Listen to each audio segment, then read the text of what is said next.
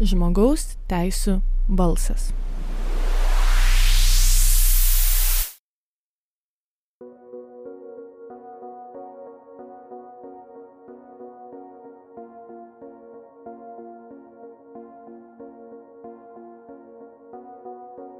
Sveiki, jūs klausote Start FM radio 94,2 FM Vilniuje.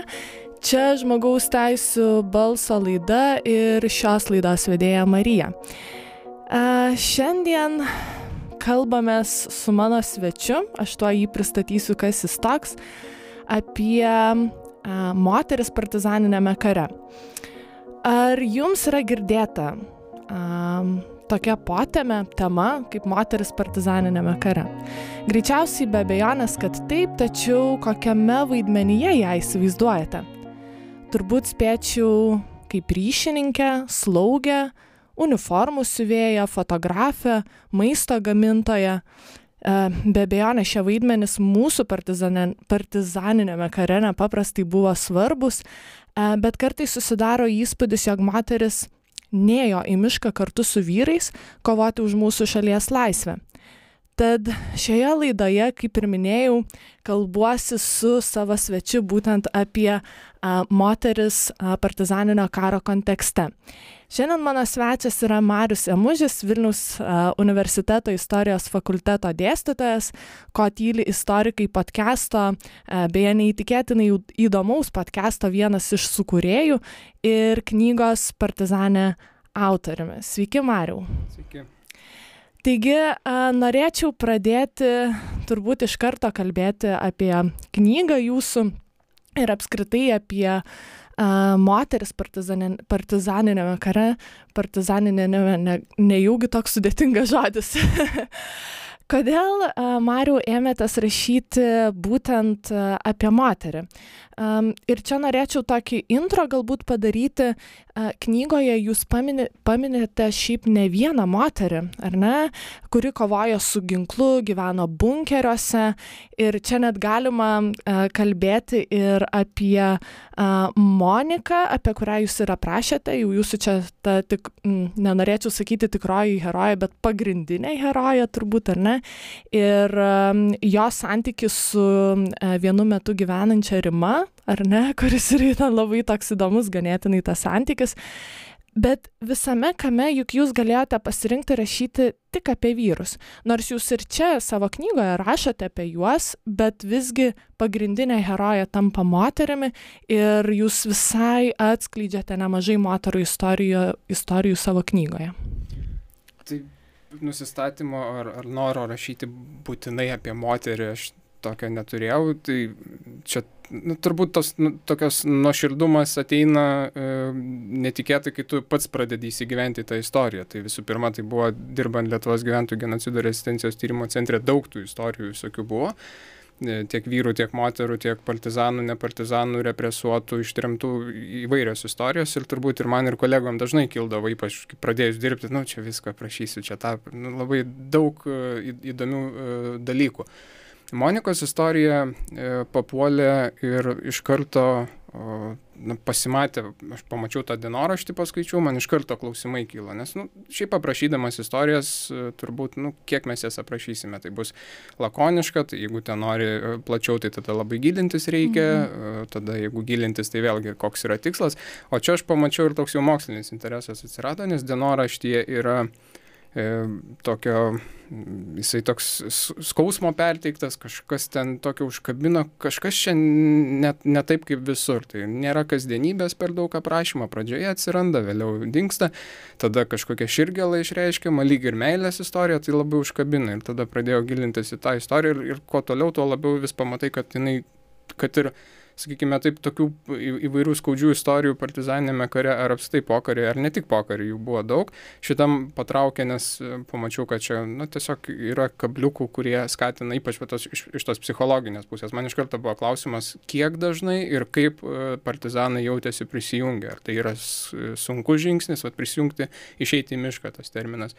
Ar tai yra, sakykime, na, vieniem vienaip, kitiem kitaip. Tai va šitie dalykai patraukia, nu, tada jau aišku, nagrinėjai tą vieną istoriją ir, ir tada savęs klausio, kiek jį tipiška, kiek čia tipiška yra vat, moteris partizaninėme kare, kiek tipiška bunkerį, kiek tų moterų buvo. Nu, tai kyla tokie E, klausimai, kuriuos galima tirti, tikrinti, aiškintis ir tada, va, taip po truputį gimė, gimė knyga. Aš iš pradžių dar tiesą sakant skeptiškai galvojau, kad nu, tikrai apie moteris tai daug jau žinoma, nu kaip pats mhm. dažnai čia istorikam būna viską žinoma, atrodo, kam čia rašyti, bet iš tikrųjų padrasino ir kolegos, sako, tikrai tai apie tai nėra daug rašyta, nors mes žinom, kad, kad yra ir čia va vėlgi toksai skirtumas e, nuo to, sakykime taip, aprašymo ir to, kas yra jau, nu, sakykime, tyrimas arba apmąstymas. Nes aprašytos moteris yra, tai ir, ir suskaičiuota maždaug, kiek jų galėjo būti, e, aprašytos įvairios istorijos nuo Dienos Glemžaitės iki, iki tos pačios Monikos Aluzaitės buvo trumpai. Visą tai lakoniškai, pagerbent, jam žinant buvo aprašyta, bet apmąstymas, ką tai reiškia, vat, moteriai būti partizane, ar kiek dažnai tai buvo E, koks jų, sakykime, taip, e, santykis su vyru, va tie apmąstymo tokie dalykai nebuvo atlikti ir dažnai labai atsitinka taip, kad yra prašoma, yra paliečiama, yra analizuojama, bet nėra apmąstoma, nekeliami tokie, sakykime, klausimai. Mhm. Ir čia aš praėjusią savaitę, man atrodo, ar už, praėj, už praėjusią, iš Mažvido bibliotekos pasiėmiau Onos Voveraitėnės knygą, kurioje jinai aprašo, vadinasi, 20-ojo amžiaus Lietuvos moteris, ten knygnešės, ne, ne knygnešės, partizanės ryšininkės ir kovotojos už laisvę, kažkaip taip galbūt vadinasi.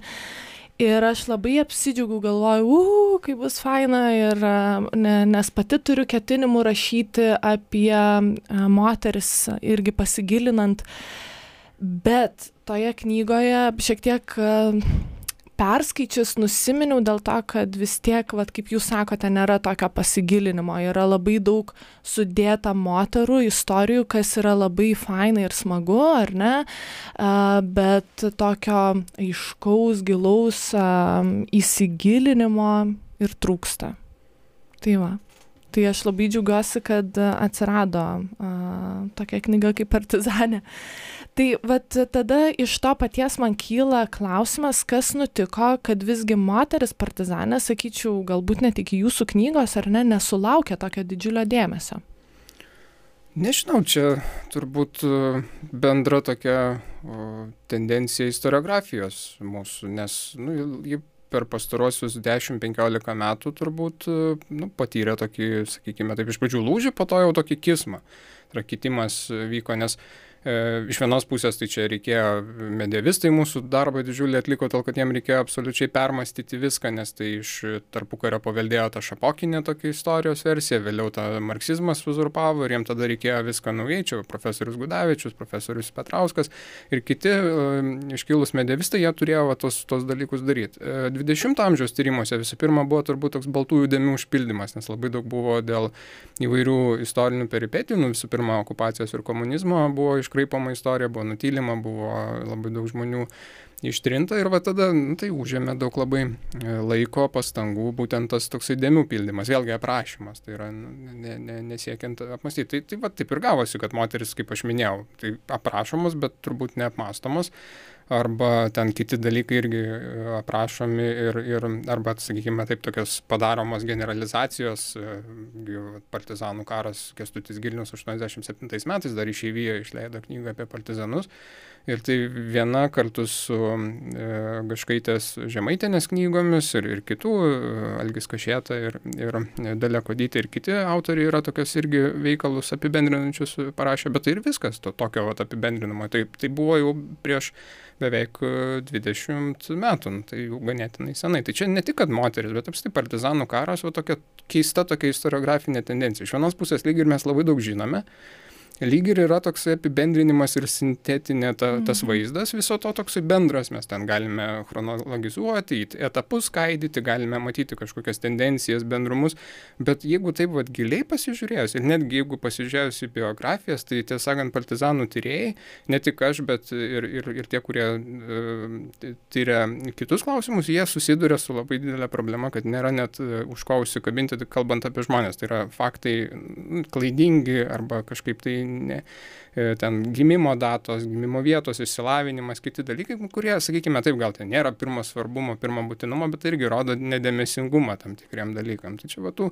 tų problemų ir turbūt su moterimis va, taip, taip, taip atsitiko, kad visų pirma, aišku, kadangi didžioji dalis buvo vyrai, tai, tai uzurpavo tą, tą mhm. dėmesį visų pirma, tas baltas dėmes bepildant e, vyrų istorijas. Mhm.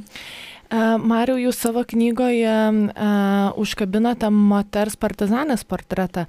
Tai koks šis portretas moters partizanės jums asmeniškai susidarė?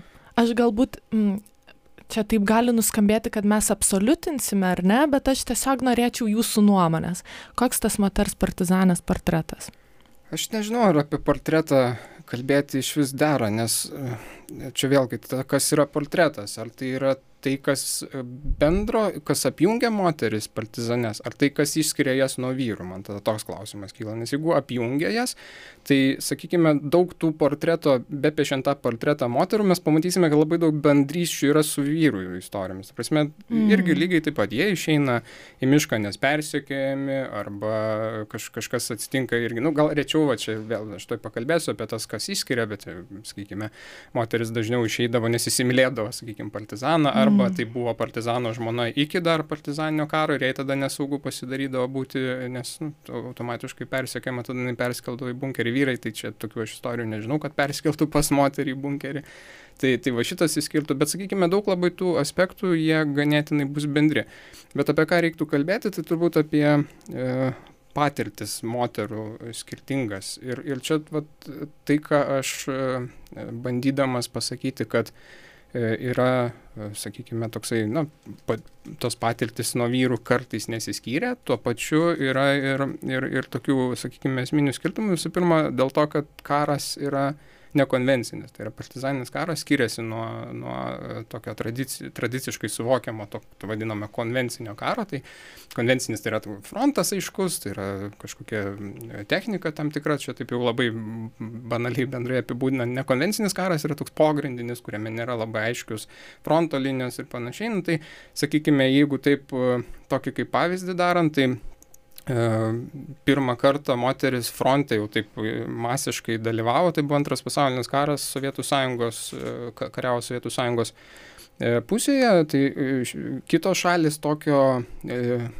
dalyvavimo moterim frontinėje tokioje kovoje arba tiesiog natūraliai kovoje na, iš, iš tikrųjų privengė. Pavyzdžiui, netgi Junktinės valstijos, čia iš kitos pusės tokia neligybė gavosi, Junktinės valstijos į e, slaugių korpusą, tai turėjo ir armija, ir laivynas atskirų slaugių korpusą iki 60-mečio 20 amžiaus vyrų net nepriimdavo. Slaugės jos vėlgi, jos yra taip, jos, ati, į, į, kaip skaityti, kovą jos ne, neina, jos yra prie fronto, jos slaugo sužeistus karius, bet, sakykime, ten fronto, e, ten mūšio metu jau tas karo medicas gydo ir suteikia tą pirmą pagalbą, ar net operuoja ir, ir visus kitus. Jau tada patenka į užfrontę, tai patenka į slaugių rankas, taip pat ir aišku ir karo gydytojai. Tai ką noriu pabrėžti, kad jos nedalyvauja kovoje. Dabar nekonvencinio karo, koks yra partizaninis karas, gaunasi taip, kad ta moteris, sakykime, ryšininkė, kuri atneša žinę į partizanų bunkerį arba susitinka kažkur su partizanais e, aptarti, e, tų, tų reiškia perduoti žinių, aptarti, kartais jos būdavo e, žodžiu perdodamos, aptarti naujų užduočių ar tiesiog kas vyksta aplinkui, aplinkiniuose regionuose, jos galėjo užklupti. Reiškia, tas e, kovos momentas jis, ir, ir tas frontas, sakykime, taip, jeigu jį taip pavadintum, jis yra labai neapibrieštas. Tai yra, jis gali nutikti bet kada, kovinė situacija. Ir tada gaunasi, kad moteris, ar vyras, ar, ar, ar, ar moteris, ar e, ryšininkas, ar kovotojas, ar net ir tiesiog atnešęs maistą, jisai bet kada gali atsidurti toje kovinėje situacijoje. Ir taip nutikdavo kartais, kai, sakykime, jau vėlai atėjusi ryšininkė, ar, ar, ar kažkas tai iš, ar, ar vyras, ar moteris, e, turėdavo pernakvoti bunkerį, nes tiesiog ne, ne, neturėdavo arba ryšio punkte, ne, neturėdavo kaip naktį, nes ne, nenorėdavo išvykti ir tada gaudavosi, kad e, užklubdavo ar, ar e, bandydavo suimti, aišku, priešindavosi partizanai ir tada toksai jau, jau vėlgi kovinė situacija. Na tai čia vat e, tas, sakykime, toksai neapi, ne, neapibrieštumas, e, vėlgi, nu, e, nėra tada skirtumo tarp to, kur tu tikras kovotojas, kur tu, sakykime, nu, čia taip jau ne, ne, nedėra taip vadinti, bet kur tu esi kažkoks pagalbinis. Aš tu, mm -hmm. čia tas argumentas man yra, kad iš esmės nekonvencinėme kare nėra civilių šia prasme, kurie susiję jau su partizanais. Jie visi tam tikra prasme yra e, kovos pusėje, kovojančių pusėje, visi gali patirti represijas, visi gali būti suimti dėl to, visi gali atsidurti kovinėje situacijoje ir jiems dėl to buvo pavojinga. Tai jeigu mes va taip, nes dažnai yra karas siejamas su pavojumi, su kažkokiu herojiškumu, tai galima sakyti, kad visi žmonės, kurie bent kažkiek prisidėjo, tam tikrą prasme rizikavo, tam tikrą prasme kovojo ir tam tikrą prasme jie na, galėjo atsidurti va toje kovinėje situacijoje, kur jiems galėjo duoti arba jie turėdavo ginklą, arba jiem atstaigiai duoda ir, ir tada, na, tu turi gintis jau kaip, na, išnaudoti tas papildomas rankas, papildomą galimybę irgi šaudimo e, prasme. Taip, čia man atrodo partizaninio karo, va tas, na, tokia prasme ir visa esmė, kad e, tu bet kaip prisidėdamas ar prisidėdama vis tiek tarsi stoji į kovą. Ar ne? Ir čia tarsi tas pagalbinis mes nesumenkinam pagalbinio žmogaus prasmės, ar ne, jo veiklos darbo. Ne, ne tai visiškai, tai vat, netgi atvirkščiai, čiagi ir, ir knygoje aš tą esu užrašęs į Dvygo Žaldinskaitę žodžius partizanės, kuri, kuri e, pasakė, kad čia ne jiems paminklus partizanam reikia statyti, o tiem ryšininkam ir rėmėjim, nes iš esmės nu, tokiose sąlygose, kai tu e, esi priverstas kovą vykdyti besislapstydamas tam tikrą prasme, arba geresnis žodis būtų tiesiog konspiruodamasis, tai yra, kad tu tavęs iš karto, nes priešas yra gausesnis ir, ir, ir dažniausiai net geriau ginkluotas, nebūtinai geriau motivuotas ar geriau parengtas, bet tikrai gausesnis, tu turi slapstytis ir tada automatiškai nu, nėra, kaip, ne, nėra tos aprūpinimo aptarnaimo tarnybos iš užfrontės, kuri, reiškia, fronte kovojančiai kariuomeniai at, atgabena kažkokius resursus, kaip yra konvencinėme kare. Ir tai čia ne visada tai pavykdavo ir, ir labai dažnai armijos būdavo apsupamos ir, ir, ir jų, ar ne tik apsupamos, tiesiog jų aprūpinimo linijos sutraukomos. Tai čia vat, tas tie rėmėjai, ypač ryšininkai, nes tai yra visų pirma užduotis, tai yra karinė užduotis, tai yra perduoti žinę ir, ir informaciją ir taip pat įvairias kitas, kitus darbus daryti. Tie žmonės, kurie vaistus aprūpindavo, vėlgi čia nebuvo tai taip lengva. Taip, taip. Nes kai kurių vaistų negalėdavo įpirkti, vėlgi čia taip. recepto klausimas. Nu, tai daug labai tų dalykų, kurie tiesiog būdavo, nu, į, į tai netgi galima žiūrėti ne tai, kad atnešė maisto, bet kaip į tam tikrą uh, užduotį, užduotį kaip, mhm. kaip skiriamą užduotį. Ir vėlgi, remėjai, ryšininkai ir visi kiti, kurie susiję buvo su Laisvės kovų organizacija ir, ir apskritai Laisvės komisija irgi duoda duodavo priesaiką, jinai buvo kitokia negu kovojančių, bet irgi priesaika, nu, tai automatiškai, va, tai ką aš ir minėjau, kad tu esi iš esmės susijęs, tai jeigu tu susijęs, tu gali, tai reiškia, tau yra pavojinga, tu gali patirti represijas dėl to, ką tu darai, tai tu automatiškai sąmoningai pasirenki. Tai yra sąmoningas žmogaus veiksmas, vėlgi rodo jo, sakykime, taip pasiryžimą ir, ir panašiai. Aišku, yra tų istorijų, dažnai tenka išgirsti, kad niekas ten neklausdavo, pasibeldžia partizanai, ateina valgyti. Taip, visko būdavo, tikrai, kad ir, ir, ir kai, kai yra maisto trūkumas, kad ateidavo tiesiog prašydavo padėti gyventojų ir, ir na, jeigu žmonės suprasdavo laisvės kovų prasme ir, ir suprasdavo, kas čia vyksta, tai aišku, ir padėdavo, pamaitindavo ir stengdavosi kaip įmanoma padėti. Buvo tokių, kurie tiesiog netidarydavo net durų, pasitaikydavo. Čia yra ir Lelešiaus grafo atsiminimuose tu, tu, tame, tai va, to, tokia situacija prašyta, kad kartais vos ne nu, jėga reikėdavo mm. verštis į, į vidų, nes nu, tu pasibeldėjai, jeigu tau netidarė, jeigu nueisi, gali būti, kad tuoj pat bus pranešta, kam reikiant. Taip, gerai, tai šitoj vietoj pabaigsime pirmąją laidos dalį, sugrįšime po muzikinės pertraukos. Primenu, kad jūs klausote Start FM radio 94,2 FM Vilniuje žmogaus teisų balso laidos. Niekur nepabėgit, nes tuoj netrukus sugrįšime. Žmogaus teisų balsas. Sveiki sugrįžę į Start FM radiją 94,2 FM Vilniuje. Čia žmogaus teisų balso laida. Ir primenu, kad šiandien aš kalbuosiu su Mariu Emužiu apie um, moteris partizaninio karo kontekste. Mariu, apibūdinkite uh, moterų vaidmenį partizaninėme kare. Uh, jūs knygoje labai pabrėžėte, ir aš čia net norėčiau galbūt um, uh, nekalbėti apie ryšininkės uh, ir um, E, slaugytojas ir taip toliau, bet konkrečiai jau e, apie tas moteris, kurios pasiryžo eiti į mišką, vėlgi naudojam tą terminą, ar ne? Nes jūs knygoje e, labai pabrėžiate, kad dažnai net nebūdavo tokio dalyko kaip lyties faktoriaus, duodant moteriams, pavyzdžiui, rašymo mašinėlę surašyti dokumentus, užsiimti organizacinę veiklą, kuria jos užtikrintų štabo ar štabų veikimą. Ir šiuos darbus vadai ar ne duodavo būtent dėl jų sugebėjimų, o ne dėl lyties.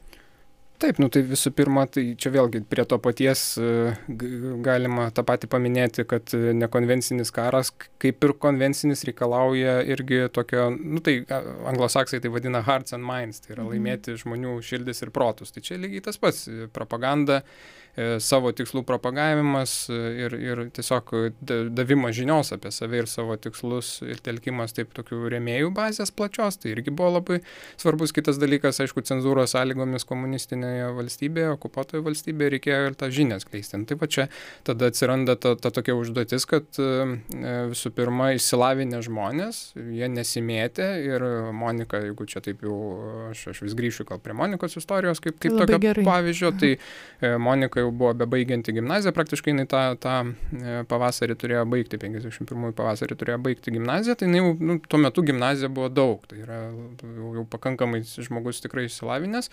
Ir tada, aišku, kitas dalykas, organizacinis, e, tai e, kad kartais tas pareigas, e, tokias yra švedybinės ir kartu kūrybinės, nes čia kalbu ne tik, kad su mašinėlė tarškino taip tos įsakymus, mhm. ten tos laikraščius perspausdino, tiesiog kitokių sąlygų nebuvo. Bet to pačiu ir tas kūrybinis darbas, tai net ir paklausius radio laidą iš vakarų transliuojama, tai vis tiek reikėjo ten tas žinias susirašyti, tada kažkaip gražiai sustruktūruoti ir, ir visą tai perrašyti. E, į poeziją kūrė, tekstus tos, vat, kaip minėjau, tokius propaguojančius partizanų tikslus, tai, tai toks kūrybinis darbas. Ta dirbo ir vyrai. Bet kartais vyrai, ir va čia vėlgi ta pati Monikos istorija, jeigu taip konkrečiai prie jos, tai e, iki jos tą darbą dirbo Ignas Česna, kuris, nu, šiaip buvo patyręs partizanas, šiaip iki tol buvo mokytojas, jau keletą metų partizanavęs, na ir taip gavosi, kad e, Vladas Montvidas Žemaitis, Žemaičio apygardos vadas, e, suprato, kad, na, jam reikia žmogaus kito va, tam darbui, tokiam kūrybiniam ir, ir, ir nu, pusiau raštvedybiniam, ir jis tada Igną Česną perkelė rinktinės vadų. Rinktinės vadas jau yra, rinktinė vis tiek jau jau tas kovinis vienetas, kur, kur daugiau tai vyksta operacijų, daugiau veiksmo, o apygardo štabas jisai labai užsikonspiravęs, nes visų pirma jo tikslas yra organizuoti darbą. Tai jis vengia tos lindimo į kovą, nes jis vadovauja, jis organizuoja. Tai aišku, judėdavo daug, bet tas va toksai kažkokių operacijų vykdymas, kuris galėtų iššaukti priešo atoveiksmi, tai buvo jo vengiama. Rinktinė šiuo atveju visiškai kitaip ir Česna tada kaip toks, nu, sakykime, autoritetą turintis e, žmogus, kaip, kaip, išmanantis tą darbą žmogus, jisai buvo naudingesnis rinktinė. Tai čia va konkrečiai šitą Monikos istoriją taip gavosi, kad ji visų pirma turėdama išsilavinimą, e, kūrybinį gebėjimą, iš kitos pusės tas organizacinis va, toksai aspektas jisai ir, ir lėmė, kad ji užėmė tokias pareigas. Vėliau, kai jinai pati jau perėjo iš Atrijos rinktinę, tai ji gavo jau galimybę, vėlgi pareigos buvo panašios, bet ji gavo galimybę jau daugiau pajudėti ir va tos kelios operacijos, kurios knygoje aprašytos, tos tokios, vėlgi čia vienas iš partizanų tikslų buvo kovoti su, toks, toks vienas iš pagrindinių, kovoti su sovietizacija ir jos e, ją vykdančiais asmenimis, tai toks ir, ir, ir šnipų baudimo operacijos ir vairios perspėjimo operacijos, tai Monika ir juose sudalyvavo. Tai e, gali tai netrodyti kaip labai pavojinga, bet tai, tai kovinis dalykas ir galų gale tai tą, tą, tą tokį pašaudimą į savo pusę jie gavo tuo metu. Čia, kas, kas knygą skaitys, tai atpažins tą, tą epizodą, apie kurį aš kalbu. E, kiti dalykai, e, tai jeigu taip e, apie, apie partizanes ir kodėl jom galbūt ne, ne visada tekdavo tos e, kovinės, sakykim, tokios jau, nu, jeigu čia taip jau e, paėmus tokio, tokiais kariniais terminais, tai ten vėlgi tas, tas yra nu, šaulys, kulkos vaidininkas ar, ar panašios tos tokios funkcijos, tai vėlgi nu, tarpu kariuos netarnavo kariuomenėje. E, tai irgi imti žmogų, kuris netarnavo kariuomenėje tiesiai į, į kažkokį kovinį, kovinius dalykus, na, yra truputį rizikinga dėl jo paties, nes visų pirma, tai čia yra, na, kaip sakyt, tai, tai yra sudėtingi dalykai, tai įtampa ir, ir tas stresas, jeigu, jeigu kulkos pradeda zvimti, žmogus prie to nepripratęs, jis gali labai suteikti. Apmokyti miške nu aišku yra galimybės ir apmokydavo buvo ir mokymų ir išlikusios tos mokymo programos bet vėlgi čia nu kiek kiek tu gali šaudyti ten ne nepritraukdamas į save daug labai dėmesio. Tai tas apmokymas irgi buvo ganėtinai e, toksai sakykime ribotas, nors buvo tų jaunuolių ir vyrų, kurie nebuvo tarnavę kariuomenės, irgi reikėjo apmokyti, tai čia toksai e, kit, kitas dalykas. Bet turbūt vienas tokių svarbesnių dar buvo taktinis, tai yra e, moteriams, ir čia iš Adolfas Ramanauskas Vanagas, rašydamas laišką vienam iš E, žemesnių e,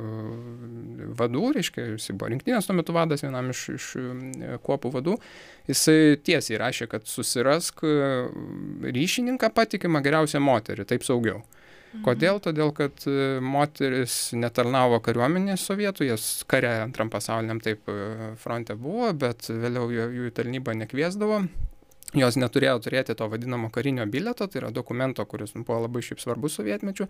Ir vyrasgi dažnai jisai net, net ir išeidavo į mišką dėl to, kad vengdavo tarnybos kariuomenėje, bet nebūtinai, bet jeigu jis jau buvo partizanas, nu, dažniausiai tai taip nutikdavo, kad jis nebus tarnavęs kariuomenėje. Reiškia, jis neturi karinio bilieto, reiškia, jis neturi dokumento. Toksai žmogus sulaikytas, e, paprašyta jo būtų pateikti karinį bilietą, nėra, tada jau vežama, į, reiškia, nu, taip, taip pasakykime, į skyrių tą ar saugumo ar ten milicijos, aiškinamasi tapatybę, kas jis toks ir panašiai. Nu, tai čia, čia tiesiog yra pavojus. Moteris, nu ką, nu, net jeigu tu ją sustabdysi, nėra to bilieto ir neturi būti ir, ir jinai toliau saukeliauja. Tai toksai šioks toks saugumo gal ar, ar tokio ne, ne tokio įtartinumo aspektas mhm. buvo, tai va, dėl to moteris kartais pasirinkdavo tom tokiam vaikščiojimo užduotim, pavadinkim, maršrutiniam užduotim, kur, kur reikia nu, nunešti žinią, nupirkti kažką tai ar perduoti vaistai ir visi kiti dalykai ir tiesiog eiti nuolatos ten slaugyti, pavyzdžiui, iš vieno dalinio į kitą slaugyti kažkokius tai e, partizanus. Tai va čia, čia tokie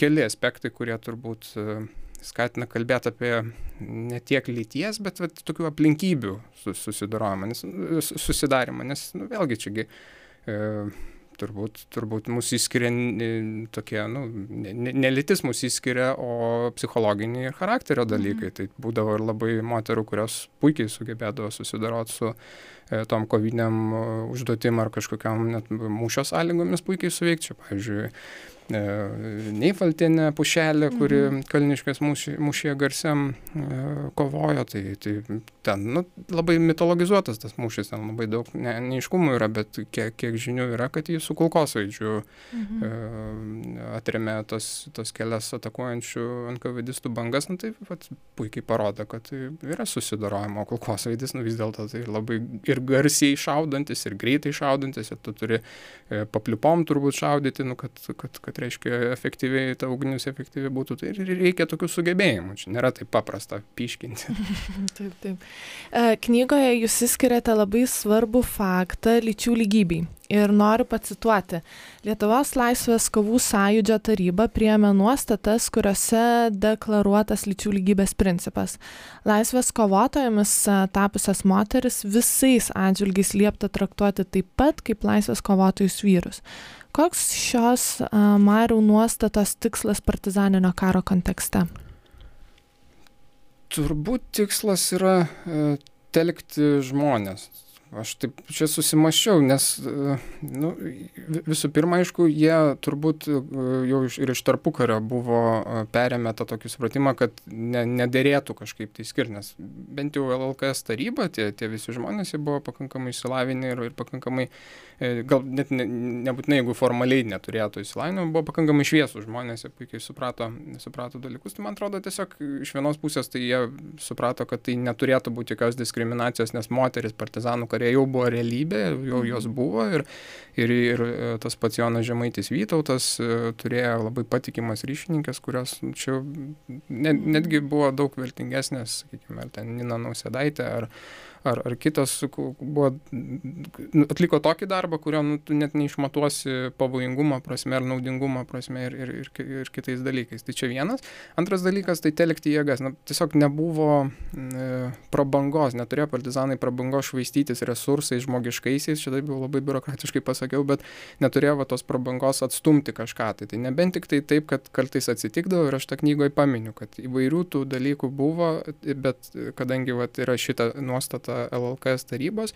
E, tai, tai, sakykime, tokia partizanų sąjūdžio bendraja prasme, tai tos, to, to tokio diskriminacijos nebuvo, bet jie vis dėlto rekomendavo vengti priimti mhm. moteris. Tai čia toksai, vat, iš vienos pusės priimti moteris į tą partizanų tarpą, tai reiškia į bunkerį. Mhm. Jokių būdų ne į sąjūdį kaip tokį. Taip, taip. Tai yra ne, ne, ne va tas, tai čia va iš vienos pusės taktinis momentas, tai ką aš minėjau, tai ir, ir um, tie, tie ryšininkavimo aspektai, saugumo aspektai, visi kiti dalykai, iš kitos pusės, aišku, toks globėjiškas. Na, reikia, partizanų tikslas ir buvo atkurti nepriklausomos Lietuvos valstybę bet jie puikiai suprato, kad karinėmis vien priemonėmis tą padaryti bus sunku prieš gausesnį priešą ir jie labai tikėjosi, kad vyks vakarų valstybių ir Sovietų sąjungos karas, ko pasiekoja, kaip ir 41 metais, bus galbūt galimybė sukilti ir kažkaip, reiškia, atsikovoti tą nepriklausomybę ir čia tada e, labai reikėjo e, turėti e, rezervą jėgų va tam momentui, kai ateina na, tas išvadavimas, sakykime taip. Vienas dalykas, kad neleisti kalinių išvežti, turto išvežti, kalinių šaudyti, represijų įvairių, reiškia saugoti tiltus, kad kariuomenė, ta, ta mhm. sąjungininkų kariuomenė vakarų šiuo atveju, kad ji galėtų sklandžiai išstumti sovietus iš Lietuvos. Tai va tie tiem tikslam tą mobilizacinį planą partizanai turėjo. Čia vėlgi tas suvokimas, kad reikia tausoti jėgas ir, ir tada ir, ir moteris, tame tarpe ir, ir apskritai jau ten vėlesnėme kovų etape stengtasi, e, ne, tiesiog rekomenduota apskritai jokių žmonių naujų nepriimti be reikalo. Ta prasme, kad, kad, kad sudaryti sąlygas kaip įmanoma jiems e, legaliai gyventi, nu, aišku, buvo matoma, kas darosi, kad, kad labai yra sunki ta kova mhm. ir, ir kad, kad jos, nu, ypač 52-53 metai buvo labai sudėtinga. Kitas aspektas - nepasitikėjimo.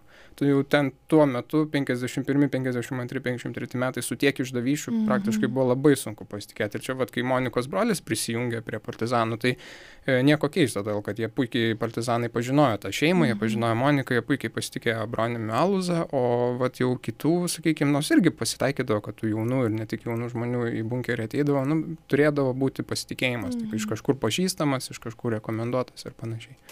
Uh, vat, jūs sakote, kad um, na, tarsi um, LLKS taryba, jie buvo šviesuoliai, inteligentai, ar ne, ir jiems tas pats lyčių lygybės principas kaip ir, na, toks normalus dalykas, ar ne, bet Kita vertus, man asmeniškai aš kaip perskaičiau va šitą faktą, nes aš šiaip nebuvau niekada įsigilinus ir man toks tarsi buvo, na, aha momentas.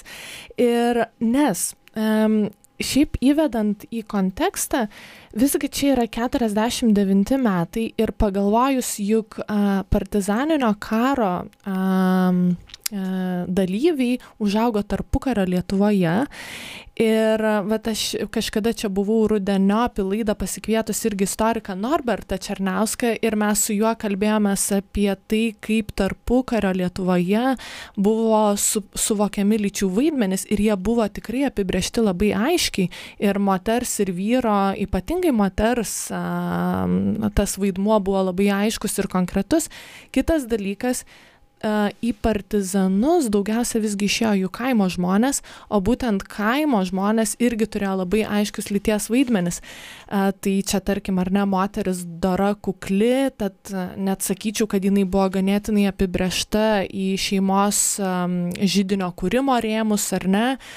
Tad toks, na, tarsi man iš karto kilo klausimas, kas pasikeitė, bet jūs puikiai atsakėte, kad visgi ta, tų žmogiškųjų išteklių tarsi, na, tiesiog buvo būtina, nes vėlgi čia kem devinti metai jų partizanai a, iš tikrųjų jų gretos a, retėjo tu, turbūt, kad gal, aš taip į galvą neįlysiu nei ten tiem LLKS e, signataram, nei tarybos nariam, nei ten, galbūt jų ir buvo tos nuostatos ir to, tokios, sakykime, taip tradiciškos plaukiančios iš tarpukario, bet čia tas namų žydinio puoselėjimas, ar tas moters dorumas, ar ten tyrumas, tie, tie visi tradiciniai stereotipiški vaizdiniai e, su, e, po, kai moteriai yra pavojus ir jinai, na, tiesiog neturi kur daugiau eiti, jai reikia prisijungti arba gauti dokumentus ir jai išsikraustyti į kitą kažkokią, tai mhm. būdavo toksai variantas, kad gauna padirbtus dokumentus ir tada sako, tu kraustykis į didelį miestą, dažnai, pavyzdžiui, Vilnių važiuodavo, ten ar į Klaipėdą, ar kažkur tai kitą visiškai regioną, kad ten niekas mhm. nepažįsta, dokumentai yra, niekas neklausia ir, ir, ir, ir taip toliau. Ir, ir kol net, net keliaudavo žinios iš kažkur, tai jau saugumo struktūra, jinai kartais tie informacija suvaikščiodavo, kartais ne, beje, Monika irgi tą svarstė variantą, kad, kad galbūt čia kažkur tai išsikraustyti į miestą. Tai, tai uh, tas variantas buvo, bet iš kitos pusės, jeigu, pavyzdžiui, ten tėvai senyvi ar, ar, ar kažkokie kiti dalykai yra, ar tiesiog ne, nenoras, ar iš tikrųjų ir idealizmas, ir noras vat, sudalyvauti toje kovoje, tai nelabai tu atsakysi, nu, tai būtų jau mhm. toksai ne, nehumaniškas dalykas. Tai tada ir priimdavo, ir, ir, ir dalyvaudavo, o tos nuostatos, tai jos galėdavo likti arba kartais gal ir išsakydavo tas nuostatas taip, taip. savo, na, apie tai, ką tu galvoji apie moterį, mhm. gal ir kažkokia tai buvo, čia vėlgi Monikos dienoraštį matom, kad ten šiokia tokia trintis buvo, bet čia nebūtinai dėl, dėl kažkokių tai lyčių vaidmenų ar dėl požiūrio į moteris, tai galėjo būti emocijos, galėjo psichologiniai dalykai, charakteris, čia, charakteris taip, taip, čia įvairių tų dalykų, tokių, kurių mes griežtai taip neapibendrintume. Tai čia va, tiesiog, kad turbūt tas, tas toksai tradicinės moters vaidmuo su, su tuo, ką partizanų kare, koks iš jos, nu, kokia nauda buvo iš, iš jos ir kitų vyrų ar kitų moterų, tai čia turbūt ne, nesiečiau. Mhm. Gerai, tai a, baigiame antrą laidos dalį ir sugrįšime tuoj netrukus. A, primenu, kad tu klausai a, Start FM radio 94,2 FM Vilniuje, žmogaus teisų balso laidos. Netrukus sugrįšime. Žmogaus teisų balsas. Sveiki, sugrįžę į Start FM radiją 94,2 FM Vilniuje. Čia žmogaus teisų balso laida ir primenu, kad e, šios e, dienos mano svečias laidos, e, mano svečias yra Marius Emužis ir mes šiandien kalbamės apie moteris partizaninio karo metu. Um, partizanė tarsi būtų um, istorija apie vieną moters partizanės istoriją, Moniką, ar ne? Tačiau jūs visai nemažai aprašote ir kitas moteris, partizanės, ryšininkas. Ar toks ir buvo sumanimas, kad, vien, kad tarsi per vieną istorijos, per vieną moters istoriją norėtumėt parodyti, kad daug buvo moterų? Gal ne, net bijau sakyti daug partizanių moterų. Šiaip e, turbūt tų, kurios gyveno bunkerį nebuvo gal tiek daug, arba tų, kaip, kaip apibrėžiama yra, kaip čia minėjau, tas, tas kurios kažkuria viena ar kita prasme pateko į kovinę situaciją ir, ir kovojo. Tai, tai turbūt nebuvo, bet visumoje moterų, va, tų, ir, kurios prisidėdavo prie ir, ir buvo to laisvės kovų sąjūdžio dalimi, tai galima turbūt čia taip, aš bandžiau skaičiuoti, savo svarstyti ten, nu, aš taip prie išvados, kad galima manyti, kad tai bus apie porą tūkstančių, sakykime, mhm. taip, nes visumoje partizanų yra manoma, kad ten įvairūs tie skaičiai, bet tarp 40-50 tūkstančių, tai porą tūkstančių tikrai galima, galima manau, turėti galvoje va tą tokį orientacinį skaičių. E, dėl sumanimo, tai visų pirma, tai buvo Monikos istorija, kuri mane sudomino ir paskatino tada jau tie va, tolesni mhm. klausimai, aš tą minėjau. Tai, tai iš, to, iš, iš to kilo, kilo tas supratimas ir tada padrasintas kolegų sugalvojau, kad reikia plačiau aprašyti, aptarti, nes, nu, tai aišku, klausimai kils. Jeigu tu pateiksi vieną istoriją, tada iš karto, tai kas, o kiek tų moterų, tas žmonės pradės pultą ieškoti, googlintis ar dar kažką, tai, tai tau reikia, nu, tavo pareiga kaip istoriko pateikti tuos visus atsakymus. Bet besigilindamas aš irgi labai daug tų dalykų sužinojau, kurių iki tol kažkaip kažkaip buvau arba praleidęs, arba ne, ne, ne tiek ir gilinausi, kurie, kurie irgi buvo tų tokių, to, tokių, sakykime, netikėtumų ir tų netikėtų istorijų ir jų labai daug galima būtų ir, ir vėlgi kiek tų istorijų moterų ir, ir ne tik moterų galima daug rašyti, bet vat, kažkaip tai jas apibendrinti ir tą patirtį sudėlioti nėra taip lengva, nes aš kaip, kaip ir minėjau, man vis tiek atrodo, kad moteris partizanės, vyrai partizanai, jų tie portretai, sakykime, tai persidengia tam tikrose vietose, čia vat apie patirtis reikia kalbėti ir aš vat ką pamiršau dar vat, iš, iš tų partizanių, kas išskirtų moteris iš vyrų to, tos tokios patirties, to, tokio pabudžio kare, tai e, tas dalykas, sakykime, e, kad e, tiek vyrai su moterimis gyveno bunkerį, tai yra, turime, vyras su žmona gyveno bunkerį ir e, moteriai tekdavo gimdyti. Mhm. tokiam sąlygom. Tačiau turbūt absoliučiai išskiria iš, iš to, ką galėjo patirti vyrai. Va šitie dalykai, aišku, tada yra hygienos klausimai, kurie labai išskiria e, ir, ir, ir va, panašus. Tai va šitie dalykai išskiria ir tada apie tai turbūt, nu, tiesiog galėtume kalbėti, bet iš vienos pusės tie, kas kažkada dar gyvus partizanus ir partizanes e, ir, ir visus, visos sąjūdžio žmonės apklausė ir, ir kalbėjo su jais, tai buvo nepadaru tų klausimų kelti, mhm. o dabar jau tiesiog, nu, tu neįsiaiškinsi tokių dalykų, kaip kaip tai buvo, iki kiek, kaip ta hygiena rūpinosi, kaip ten įvairūs dalykai, nu, tų, tokių, tokių niuansų turbūt mes nepaklausime. Tai va. Mhm. Uh, tad kokia ta Monika? Koks jums asmeniškai vaizdinys liko po jos istorijos ištyrinėjimo ir įrašymo į knygos puslapius? Čia sunkiausias klausimas, rašant, nes kai nepažįsti žmogaus ir turi įvat iš tų uh, nedaugelio šaltinių turi jį kažkaip e, pajausti, apibūdinti, interpretuoti tai, ką turi ir vat, susidaryti įspūdį. Tai e, nu, vis tiek turi išguldyti ir išdėstyti ir aš tą turėjau ir, ir, ir tą padariau. Man turbūt, taip pat keli epizodai tokie iš, iš Monikos, kaip jie galim būtų apibūdinti, tai visų pirma, tai yra jautrumas, jautri, e, jautrus žmogus, bet to pačiu labai empatiškas. Uh, nes e, tiek tas dienoraštis ir ten akivaizdžiai matosi, kad ji, nes nu, kartais žmogus, kuris išreiškia va, tą jautriai išreiškia skausmą savo, tai jisai nu, automatiškai, nu, taip būna egoistiškų žmonių, bet šiuo atveju Monika nėra tokia, ji tą skausmą jaučia ir ji to pačiu jaučia ne tik savo, bet ir kitiems žmonėms. Ji ten pastovi kalba, va, kiek daug žmonių Lietuvoje yra, patiria panašiai, ką aš patiriu, kiek daug čia skausmo, kodėl turėjo taip atsitikti, mhm. va, kodėl tas okupantas čia atėjo ir mus taip, va, čia aš prieš metus buvau, prieš mėnesį ir metus metus buvau laiminga ir nerūpestingai gyvenau, o dabar aš va tai kokias sąlygas patekau. Mhm. Tai toksai va tie klausimai e,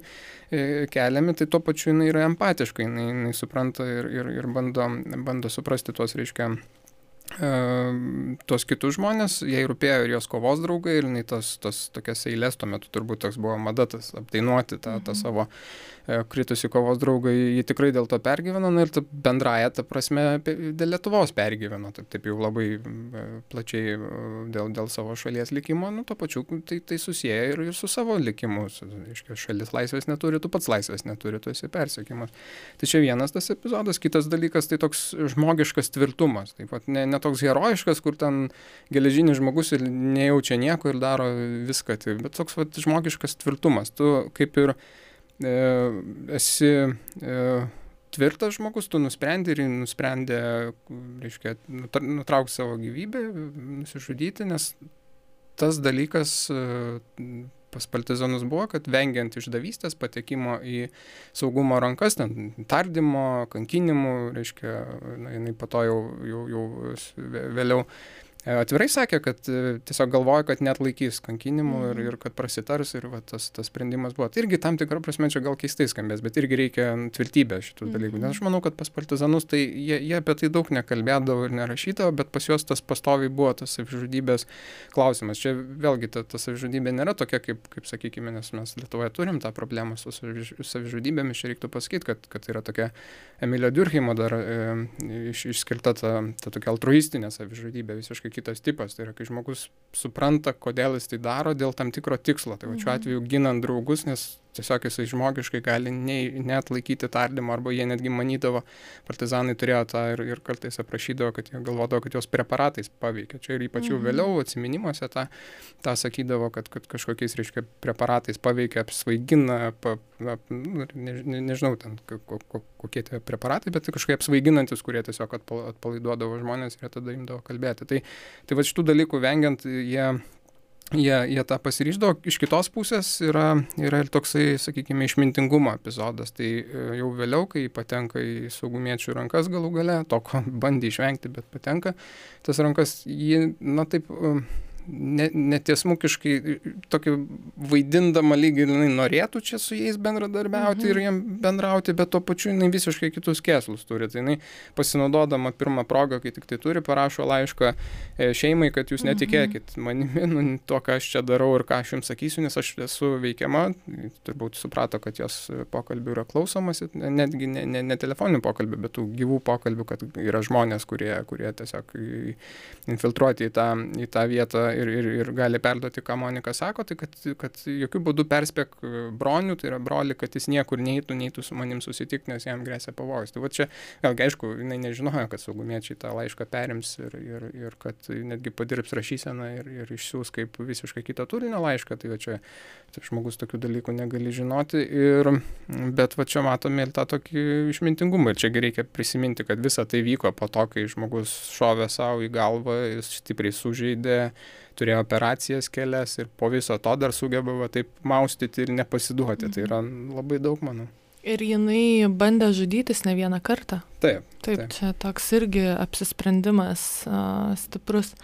Uh, iš Monikos prisiminimų, uh, šiaip, ką aš pastebėjau, bet gal aš klystu ir galbūt aš netaip supratau, bet tarsi matoma tokia priešprieša, kuri visiškai neabejotinai yra suprantama tuo metu, tai nors tarsi atrodo, kad jinai galbūt ir dvėjojo eiti į partizaninį karą, nes jinai tuoj pat turėjo baigti gimnaziją, ten po to um, lyg ir buvo įsimylėjusi Justiną, ar ne.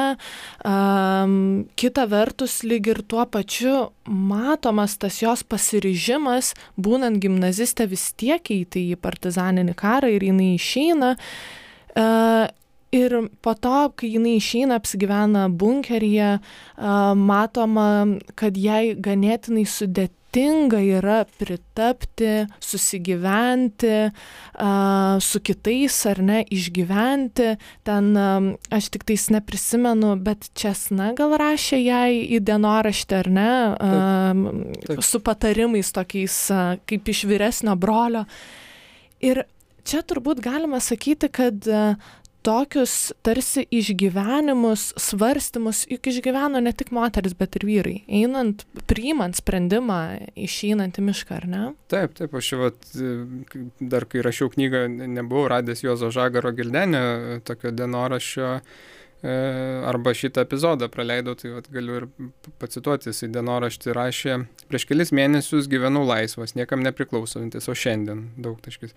Jau septyni mėnesiai kaip įsivilkau į partizanų uniformą ir su ginklu kovoju prieš tevinės budelį. Po to rašo, iš pradžių man buvo labai sunkus partizano kelias ir ten tada, tada tokia ilgas tas apibūdinimas su, su daug ten įvairių, įvairių niuansų, ne, neišeina taip pacituoti, bet va tas aspektas, kad jisai e, pasako, kad iš pradžių man buvo labai sunkus partizano mano kelias. Tai čia turbūt psichologiniai tyrimai, nu, aš nesu psichologas, nors turbūt istorikai visi turi šiek tiek būti psichologai, tu turi meninę, ta, ta prasme, kad bandyti įsigilinti į žmogaus suprasti. mąstymą ir suprasti, mhm. ką jis tuo metu jautė, jeigu ypač biografiją rašai, tai čia absoliučiai privaloma, bet ir apskritai, bet, kokioj, bet, bet, kokioj, bet kokiam klausimė, nu, aišku, kartais prisidirbama ir arba tiksliau netgi žmonės kitaip interpretuoja, tu, pavyzdžiui, pabandai ten Hitlerio ar Stalino psichologiją pažvelgti, tai, tai tave gali kryvai žiūrėti, nors tai ta, ta, tam tikrą prasme irgi reikia daryti. Taip. Tai čia aš nukrypau. Bet, bet tas psichologijos klausimas partizanų, ypač prisijungimo metu ir ką, kas yra jaučiama, turbūt yra labai įdomus, ir, bet nu, vat, jį ir turi tik tai galimybę šiek tiek interpretuoti, atsispirdamas nuo tam tikrų faktų ir bandydamas tik tai interpretuoti, kodėl jie taip jautėsi. Nu, tai aišku, vieniem, pavyzdžiui, vieni prisijungdavo prie, partizanų tada, kai pabėgdavo nuo tremimo.